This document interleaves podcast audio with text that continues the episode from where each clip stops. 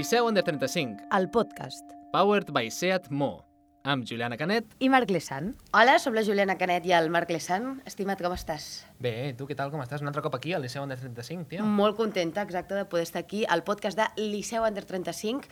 Abans de res, que jo suposo que ja estan ja a aquestes alçades i esteu registrats, però tot i així us recordem que heu d'entrar, abans de seguir veient aquest podcast, a liceuunder35.cat i registrar-vos a la comunitat de Liceu Under 35. Així és, de nou som vinguts a treure-us els estereotips de l'òpera del cap i presentar-vos la programació del Liceu Under 35 amb obres d'òpera clàssiques de renom a preus assequibles per a gent jove com vosaltres, eh, oients barra espectadors espectadores que ens esteu seguint, a més d'acti- d'activitats extra per poder gaudir de la millor òpera sense renunciar al gaudi i al postureig. Com m'agrada a mi fer Insta-stories quan vinc al Liceu. S'ha de fardar. O sigui, jo no de surto del Liceu sense haver fet com a mínim 66 Insta-stories. Avui eh, fa una mica de nervis perquè parlarem de la pròxima òpera que podrem veure aquesta temporada gràcies al Liceu Under 35, Wozek, a veure si ho he pronunciat bé, que podrem Wozzeck, veure sí. el pròxim 20 de maig. El 21 d'abril crec que ja podeu començar a comprar les entrades, o sigui que brio, espavileu, que després tot seran plors. Ràpid. I es, avisem que és una mica estranya, aquesta òpera. Ara en parlarem. Serà, serà fàcil eh, per alguns, però potser més difícil de digerir per d'altres. Però abans de tot plegat, abans de fer l'entrevista i de parlar de l'obra, veurem una peça que vam gravar fa unes setmanes de... Eh, bueno, volíem investigar quin és l'ambient que es cou darrere eh, de l'escenari del Liceu quan es prepara una obra. Allò just a les dues hores abans que s'obri el taló, què passa darrere de l'escenari del El Liceu? neguit, el neguit, eh, la preparació, les corredisses, ho tenim tot i vam fer un petit vídeo i ho posarem ara mateix. Avui ens disposem a descobrir tot el que passa just abans de començar una òpera aquí al Liceu. Darrere d'aquestes portes que semblen l'entrada a Rasmatàs s'està coent una funció de l'obra de la Dama de Piques i estem aquí per saber tot el que passa darrere les bambalines. D'aquí dues hores justes comença aquesta òpera, o sigui que hi ha bastants nervis. Hi ha nervis. Som-hi.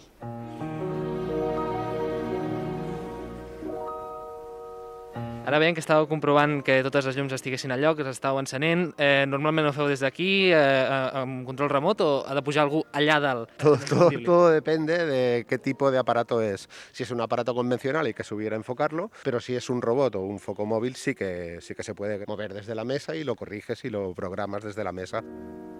Nois i noies, l'Imma és la regidora de la funció, la qual cosa vol dir que és la gran jefa d'aquí, oi que sí? Al moment de la funció, després no, eh? I què vol dir exactament ser la jefa de, durant la funció? Ser la jefa durant la funció vol dir que coordines tot. Coordines que estigui tothom a punt, coordines que l'escenografia estigui a punt, que les llums estiguin a punt, que les, tot, que tot estigui a punt. I quan tothom està al seu lloc, dius comencem, i llavors dius aixeca el taló. I taló... Va taló. Una mica de pell de gallina, no? Aixequeu el taló. La veritat és que no ho penses gaire. Ho fas i ja està. La meva funció és anar seguint el guió i anem donant tots els tops d'entrada. La nota exacta, el moment exacte en el qual han d'entrar en escena. Vosaltres, Sí. ells no entren en escena si no els hi dieu. Primer els prevenim, llavors just quan arriben al moment exacte que sí que és musical, doncs els hi diem top i entren en escena. Bueno, la nostra feina, nosaltres som del departament de maquinària i som els que movem i fem els canvis de decorat, etc. Fem els muntatges, fem els desmuntatges, evidentment, i també fem tots els canvis de decorat. El tema de la cortina. El taló és una pedaço cortina Sí, gordíssima sí, sí, sí, sí, que has dit abans que renta. Sí, es renta, cada X temps, es desmunta, sí, sí, es venen a rentar-lo aquí. Anem cap enrere, el pengem allà i llavors el, el, el netegen. Com us ho feu per arribar a interpretar l'obra, fer els assajos tot bé i que no eh, se us clavi l'esquena o no us doni una rampa? Perquè, o sigui, a mi em fa mal tot el cos només de veure's aquí fer els estiraments. Són anys d'experiència, de veure, això no s'aconsegueix de- d'avui per demà, és, mm, és una disciplina que comporta molt d'esforç i bueno, veure que mm, finalment es pot realitzar en un escenari davant de tothom doncs és molt enriquidor, la veritat.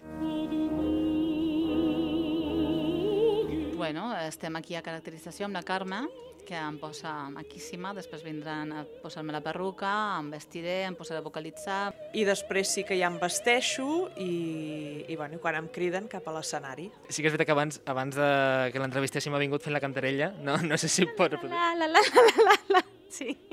Però és d'una altra òpera que estic estudiant ara, llavors em vaig confonent.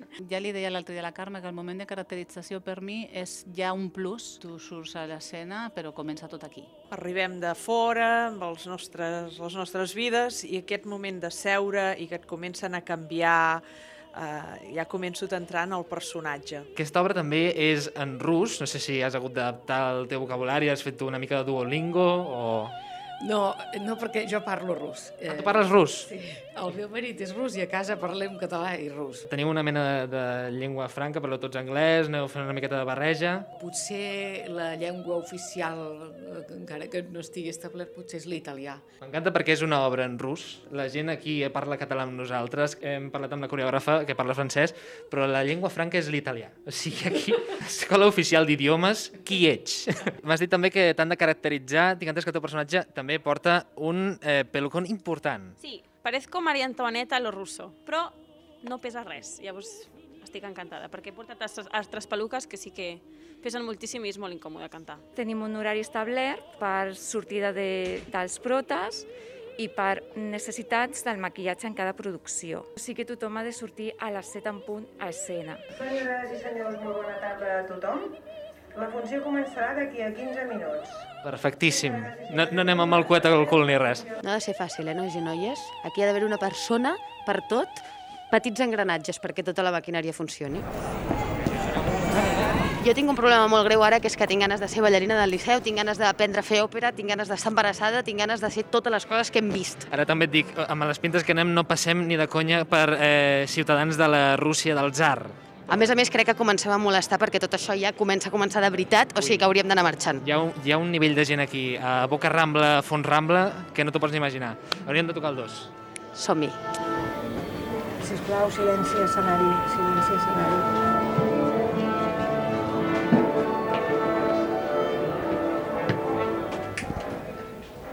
Fora sala, sisplau. Entra, mestre.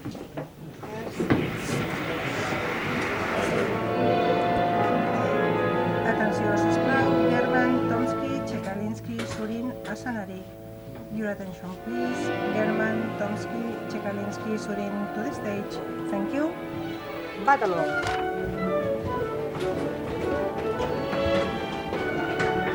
Atenció, tothom, 4 minuts per canvi de tempos. Bon report, no? No, molt bon report, no? O sigui, sortim macos, l'experiència va ser molt maca, tot molt Fa bé. goig, fa goig. I a més a més és que crec que és realment dels més interessants que hem fet perquè es veu quins són els engranatges de veritat del Liceu, allò darrere, què passa de veritat.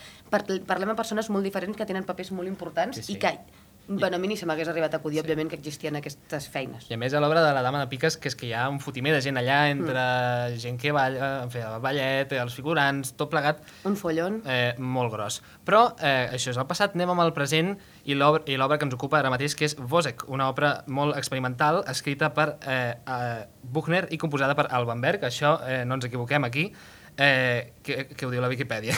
un compositor austríac que, malgrat que és de començaments del segle XX, en el món de l'òpera es considera contemporani i, de fet, l'obra va ser escrita durant la Primera Guerra Mundial. Això és el que és recent en el món de, de l'òpera i això és el que s'estrena a la següent obra del Liceu Under 35. Tu has estudiat molt bé, eh? Has vist? Tenim molta sort perquè per parlar-ne amb més detall avui tenim amb nosaltres dos cantants del cor del Gran Teatre del Liceu, que es diu Atenció. Ràpid, que són l'Elisabet, que és mezzo-soprano, i en Miquel, que és baríton. Com esteu? Molt, Molt bé. bé. Encantats d'estar aquí amb vosaltres. Que coordinats, eh? Sí, no, tenen els tempos quadrats. Eh, escolta, per situar l'audiència, més o menys, vosaltres sou dos dels 60, més o menys, eh, eh, cantants amb els que compta la plantilla del Cor del Liceu? Són aquests els nombres de plantilla, més o menys? Tendríamos que ser 60, pero ahora somos un poquito menos. Però s'estan fent audicions per arribar al, al nombre de 60. Sí. D'acord, o sigui, entren i surten, suposo, es va reajustant. Hi ha jubilacions, sí. hi ha... Clar, i, i dieu que ara mateix estan eh, mirant d'acceptar a nova gent, o sigui, hi ha gent que està fent com les proves per entrar. Exacte. Imagino que no deu ser fàcil. No és gens fàcil, no és gens fàcil. Són Sí, sí. tres proves difícils on, on se t'exigeix eh, de tot i que mostris tot el que pots fer per, per poder desenvolupar la teva feina. Entre el que vindria ser el que estigui al cor? Hi ha alguna mena de pique a veure qui té més rellevància o que o potser algú reclama alguna cosa No. i... Hi ha bon no? rotllo, Hi ha bon rotllo? Hi ha molt bon Sí. rotllo, hi ha molt bon rotllo. És que a mi em feu molta enveja, i ho dic molt de veritat, ja no només perquè esteu contractats, perquè ser autònom és una cosa terrorífica, sinó perquè sou molta gent. I jo penso que, clar, una feina on hi ha tanta gent, on hi ha tant bullici, vull dir, només el cor, ja trobo que que sigueu 60 o 45 com ara, és, per mi ja és molta gent, trobo. Vull dir que deu haver-hi molt ambient, molts cotilleos, allò que mai acaba, vull dir que sempre hi ha com l'oportunitat de conèixer algú, de, bueno, de que és estimulant també com a nivell personal, no? I suposo que sortiu i feu unes cerveses de vegades i coses d'aquestes. Sí, sí, sí, total. En el camerino también hay como una vida de camerino, porque la, las mujeres y los hombres están separados. Y claro, los uh, vecinos de camerino, que los box, nos conocemos quizás un poquito más porque se habla, claro. ¿no? Y, y, creo que también de compartir un, una emoción tan fuerte hace que nuestro trabajo es un, un pelín diferente en, en, esta sensación de no somos solo colegas, eh, somos, yo creo que muchas veces más. Família, no? Sí, sí. exacto. Sí. A veure, a mi una altra cosa que de veritat eh, em treu el son i que no he acabat d'entendre mai és com funciona exactament lo del tipus de veu de que, per exemple, um, vosaltres sou un mezzo-soprano i baríton, mm. això vol dir més o menys que esteu pel mig? Efectivament. I com se sap això? Com se sap quin tipus de veu tens? I, i entenc que és una cosa que ja neixes amb aquell to i que t'adaptes una mica, però que si ara volguessis ser soprano potser no podries per un tema ja de com és la teva veu de naixement, o es treballa. ¿Se nace o se hace? Um, bueno, yo creo que hay, hay muchas teorías sobre esto, aunque, claro, para algunas personas es obvio y cuando empiezan a cantar es, es, tan evidente, por ejemplo, un bajo profundo nunca podrá volverse tenor. Pero yo creo que la mayoría de las voces uh, se... ¿cómo dice? Se, se pot adaptar, potser... Sí, se ven, se conf confirman con el tiempo de estudio. Mm -hmm. no, no, creo que es muy raro que en una sesión, en una clase de canto, uno pueda decir, tú eres soprano o tú eres tenor y es así. Muchas veces, como cantantes, yo misma, uh, hemos cogido caminos diferentes y al final sí que hay algo que se estabiliza con, en nuestra zona de confort, es más medium. Nuestras voces, por ejemplo, son voces medium de mujer, voces medium de hombre. I se estabilitza així i, i ara lo sabemos, però per a mi Clar, era un camí... Però ho sabeu, bastante... després d'anys d'estudi, d'anys de pràctica, sí. al principi potser penseu que teníeu un registre més alt o més baix, no? Exacte. O sigui, el... I això ja ho veus tu o és algú que t'ho ha de dir no, tu ets eh, metge soprano, tu ets baríton? Sempre hi ha l'ajuda d'un professor perquè de fet quan tu cantes el que estàs produint tu mateix no, no sents el que, el que l'altre, el que el públic o el mestre sent. Això és al·lucinant, perquè... eh? que dins nostre no sentim la nostra veu de veritat. Exacte, mm -hmm. per això el que passa normalment amb tothom és que quan se sent en una gravació no ens agradem. Diu, aquesta és la meva veu? No, no. Però, però sí. I aleshores hi ha el, el professor amb qui has treballat, o els professors, són qui et van orientant Clar, i tu mateix, les clar. sensacions que puguis tenir, evidentment. Estic destrossada, eh? Jo em pensava que mm, ja em podríeu dir avui quin és el meu tipus de veu. Sí. Bueno, yo creo que no. Bueno, porque hay trucos, hay trampas. Por ejemplo, en mi caso yo tenía eh, facilidades en los agudos, pero eso no significa que soy soprano. Pero claro, un profesor al principio siempre me hacía trabajar de, o estudiar de soprano. Eso te puede llevar a un camino un poquito equivocado también cuando tienes claro, una facilidad en una cosa, però al final no, no és tu voz. Però si vols per jugar i només per la veu parlada, que no té res a veure, és a dir, el que diré no, no serveix per res, o sigui, jo et diria que, que ets mezzo. O sigui, sí, jo encara que, que jo tingui una veu, per exemple, jo considero que tinc una veu molt greu, parlant, de cop i volta pot ser que em posi a cantar, em posi a practicar i tingui de cop descobreixi que tinc uns aguts que flipes, no? Sí. Sí, sí, sí, puede ser.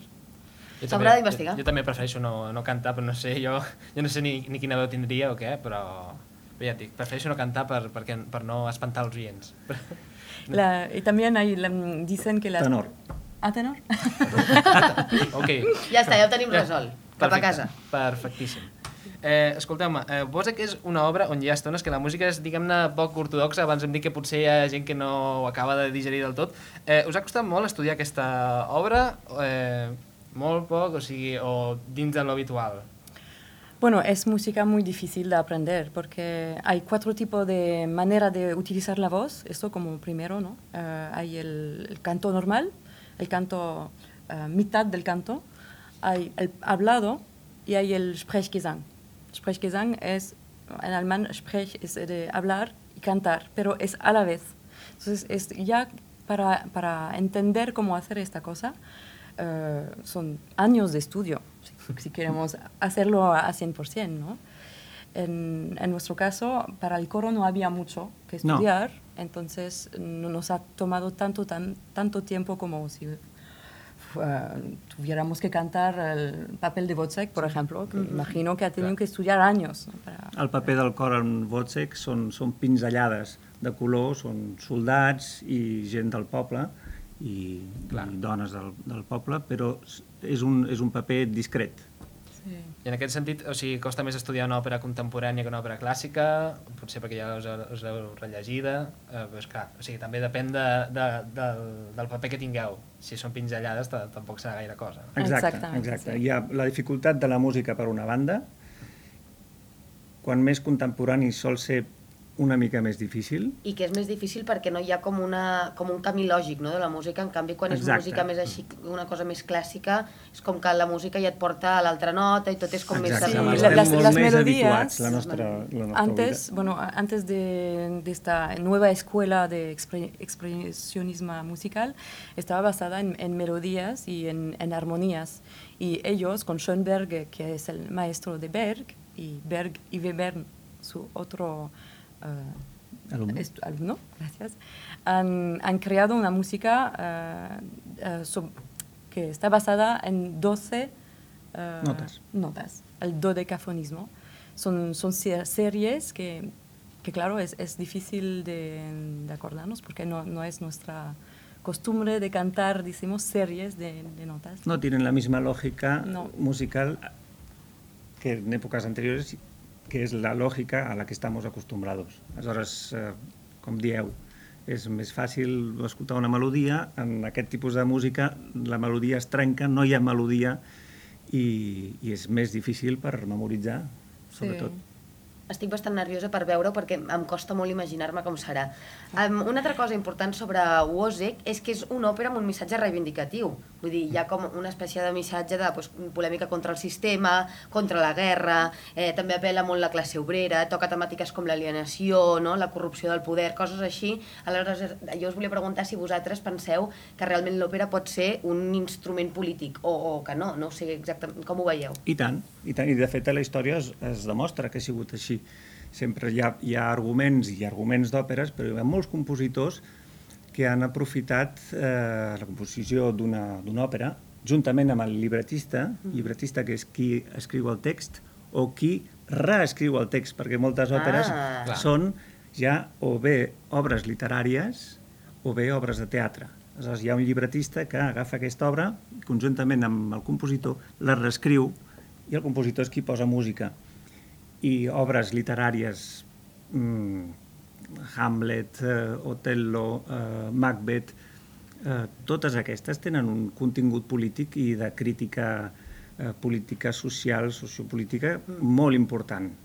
Clar, és que això a mi em sorprèn perquè no, hi ha com una espècie d'estigma amb l'òpera, com d'una cosa de, que clar, que és com una espècie de- d'art que és només per la, la, pues, les classes altes, la burgesia, tal, i llavors sorprèn així de bones a primeres com descobrir que hi ha eh, autors que fan òperes com Wozzeck, no?, que són tan, tan, tan, tan heavy reivindicatives. Però està bé.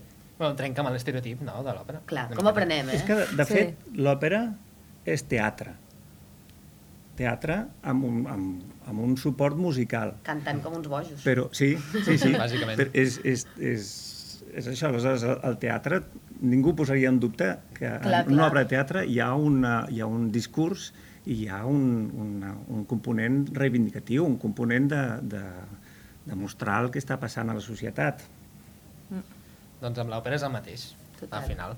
Eh, si després de tot això que hem explicat eh, hi ha gent que encara està confosa o, eh, o potser encara està indecisa, quins arguments definitius donaríeu a la gent per convèncer eh, a tots ells que vagin a veure Bosek al Liceu Under 35? Yo diría que es una experiencia que hay que hacer porque es muy diferente de las óperas románticas que, que ya conocemos. Yo creo que no te puede dejar indiferente una ópera como, como Wozzeck porque es un shock. Ha sido un shock para Berg y será un shock para, para nosotros. Això queda molt bé per, per, per una obra, eh, per dir- per dir-ho si la gent no sap si li agradarà o no. No te dejarà indiferente. Pot, pot caure d'un cantó o d'un altre, yo però que això es, es, sempre es passarà. más, um, más allá del bien o de, de si me gusta o no, no me gusta. La gente, yo creo que s- saldrá del teatro mirándose y sin palabra. Es que es, es muy fuerte. I a part que és, eh, visualment hem vist la sonografia i és molt impactant. També. Brutal. Ens han dit Sí. que és espectacular, oi? És espectacular, sí, sí. I de fet, Wojciech és un psicothriller. Sí, sí, sí, sí. Es, es- es muy actual, es Sí. eso, es, eh, es como ver las telenoticias, pero eh, no, pero es que... ¿no? Vosaltres coneixeu la, la emoticona del, del susto de Munch. Sí, la que està així. La que està així. L'emoticona. Sí? És Eh, això, no? És això. Això En en òpera. Si l'emoticona de Wojciech seria això. Voleu quedar-vos amb la cara de l'emoticona de, de Munch? I tant. Anem a jugar un joc, ara mateix. Sembla bé? Anem-hi. Miquel, Elisabet, mm, sou dues persones que vosaltres en sabeu molt de música clàssica, però és el moment, ara que estem en un ambient així més informal, d'apropar-vos al món de la música més comercial, més comercial, la música menys mainstream, la música que sona quan poses una ràdio musical. Aleshores, us, estem, us hem preparat una espècie de concurs, a veure qui guanya, a veure qui demostra que escolta més les ràdios comercials. Mhm. Un de vosaltres portarà un auricular i aleshores escoltarà una cançó que ho ha patat moltíssim, que és de les més escoltades del moment, o ha estat la més escoltada del moment fa poc, i l'haurà de cantar una miqueta. Allò Ok. tararejar, Sí. tiririri, tal. I l'altra persona ho ha d'endevinar. Aleshores, si et sembla, comencem amb tu, portes ja el teu casco, estàs a punt de sentir un tremendo tamacle que en Miquel haurà d'endevinar només amb la teva tararejamenta. Tararejament, és una paraula, això, eh? Estàs preparada? Sí. Ho sents? Sí. No, no, no la conozco. No me- Intenta Canta, cantar. Un poquito más. No la conozco. No és fàcil, eh? No. No.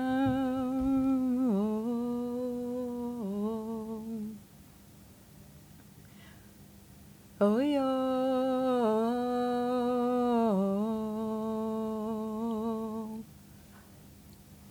Això és Berg.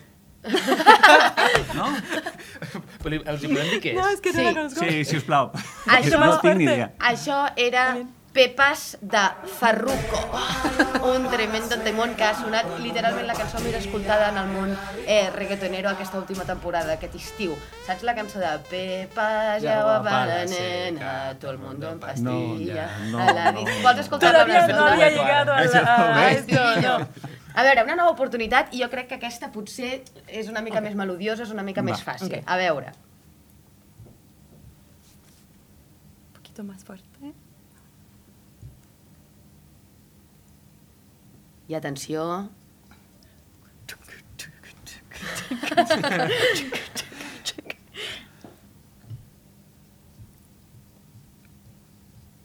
No està sent fàcil...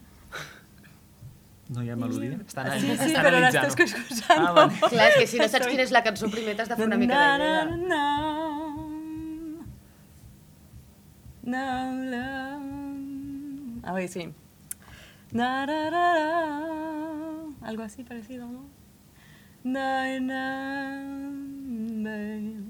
Està vist que... Na, ra, ra, ra. Uh!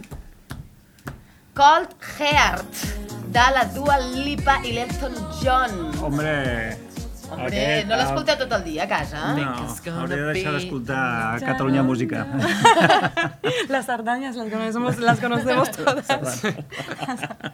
A veure, teniu una nova oportunitat, perquè Sí? ara hauràs d'endevinar tu les cançons que ha Cati, i jo sí que penso ara, de veritat, que si no sabeu la que sonarà ara, sí que jo penso que serà una mica greu. Retireu-vos. Serà una mica greu. Aquesta jo penso. ha sonat a tot arreu. A tot arreu, literalment. A tot arreu?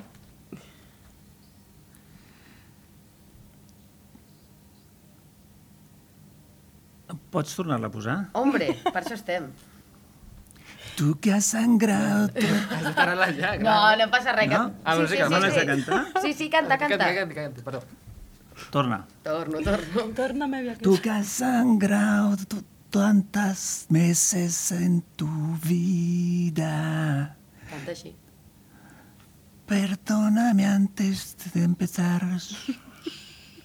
Vols que et posi directament l'estribillo? que crec Estribillo, que- estribillo, sí. Mamá, mamá, mamá. Por tantas mamás.